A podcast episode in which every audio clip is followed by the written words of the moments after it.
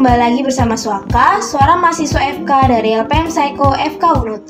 Di bulan Maret ini, Suaka akan bahas topik yang seru banget karena berkaitan dengan International Women's Day. Perayaan International Women's Day jatuh pada tanggal 8 Maret setiap tahunnya.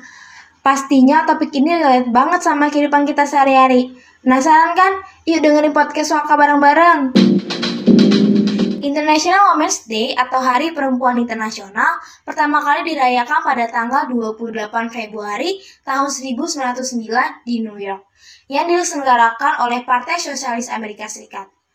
Pada tahun 1977, Hari Perempuan Internasional ini diresmikan sebagai perayaan tahunan oleh Perserikatan Bangsa-Bangsa atau PBB untuk memperjuangkan hak perempuan dan mewujudkan perdamaian dunia. Di Indonesia sendiri, Perayaan International Women's Day sering dirayakan dengan melakukan aksi di berbagai daerah. Melalui aksi, mereka mendesak pemerintah untuk segera mengesahkan RUU penghapusan kekerasan seksual atau RUU PKS. Seperti kita ketahui, RUU PKS ini sejatinya dapat menjadi payung perlindungan hukum bagi para perempuan yang mengalami tindak kekerasan seksual. Di Indonesia, kekerasan seksual setiap tahunnya mengalami peningkatan. Korbannya bukan hanya dari kalangan dewasa saja, tapi juga sudah merambah ke remaja, anak-anak, bahkan balita. Menurut catatan tahunan Komisi Nasional Anti Kekerasan Terhadap Perempuan, Catahu Komnas Perempuan, sepanjang tahun 2020 terdapat sebesar 299.911 kasus kekerasan seksual, di mana yang paling menonjol adalah di ranah personal, seperti KDRT, kasus kekerasan dalam pacaran, serta kekerasan terhadap anak perempuan. Dikutip melalui artikel Komnas Perempuan, pelecehan seksual didefinisikan sebagai tindakan seksual melalui sentuhan fisik maupun non-fisik dengan sasaran organ seksual korbannya. Pelecehan seksual adalah perhatian atau perilaku bersifat seksual yang unwelcome attention atau unwelcome behavior yang sifatnya tidak diinginkan atau tidak diharapkan. Tindakan pelecehan seksual dapat dikategorikan sebagai perilaku menggoda yang menyinggung dan tidak pantas, penyerangan seksual, pelecehan gender, pemaksaan seksual disertai ancaman atau pemerkosaan, dan permintaan aktivitas seksual dengan imbalan.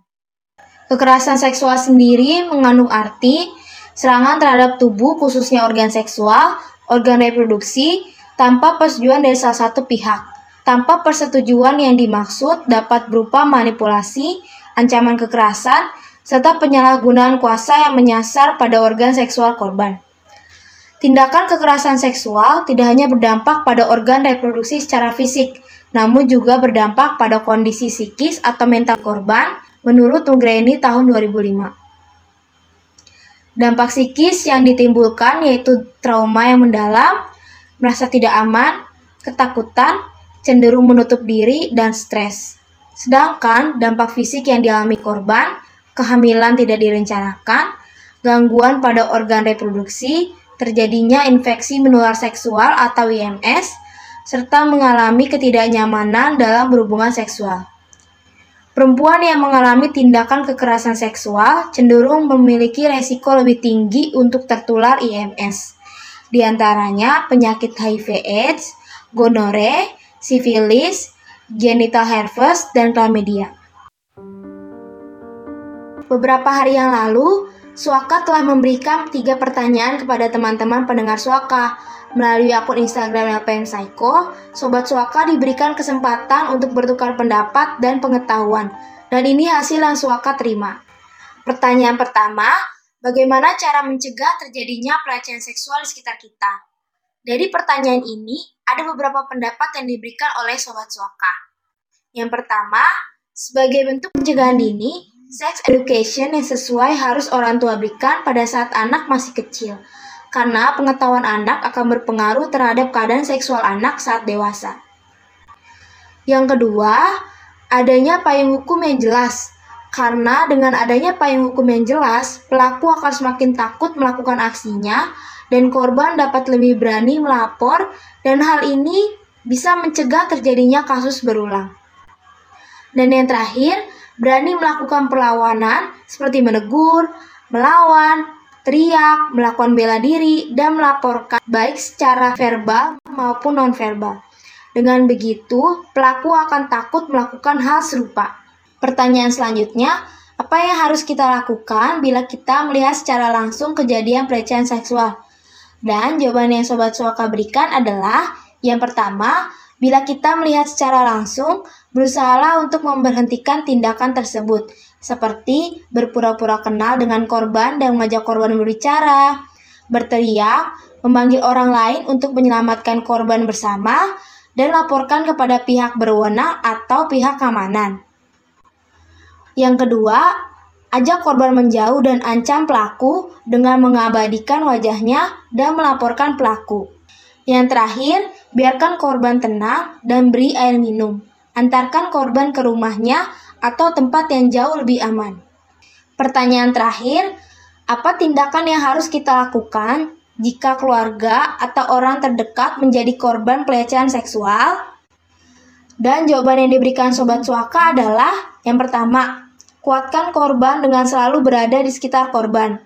Kuatkan korban untuk mengungkapkan apa yang terjadi. Yang kedua, lakukan visum ke pelayanan kesehatan terdekat untuk dijadikan bukti. Yang ketiga, menghubungi pihak berwajib dengan membawa bukti visum. Bila laporan diabaikan, laporkan segera ke Ombudsman dengan nomor 0821 373737. Kemudian, Sobat Suaka bisa mengunjungi Instagram LBH Apik Jakarta bila membutuhkan bantuan hukum. Selanjutnya, Sobat Suaka juga bisa melaporkan kasusnya ke call center Komnas Perempuan di nomor 021 390 3963 atau 021 80 60 5399. Yang terakhir, Jangan gentar, sebagai teman dan anggota keluarga korban, Sobat Suaka harus menjadi sumber kekuatan korban, agar korban tidak menyerah, dengan begitu kasus serupa tidak akan terjadi. Sekian podcast Suaka kali ini, semoga sharing ini dapat membuka wawasan pengetahuan Sobat Suaka. Sampai ketemu lagi di podcast Suaka selanjutnya.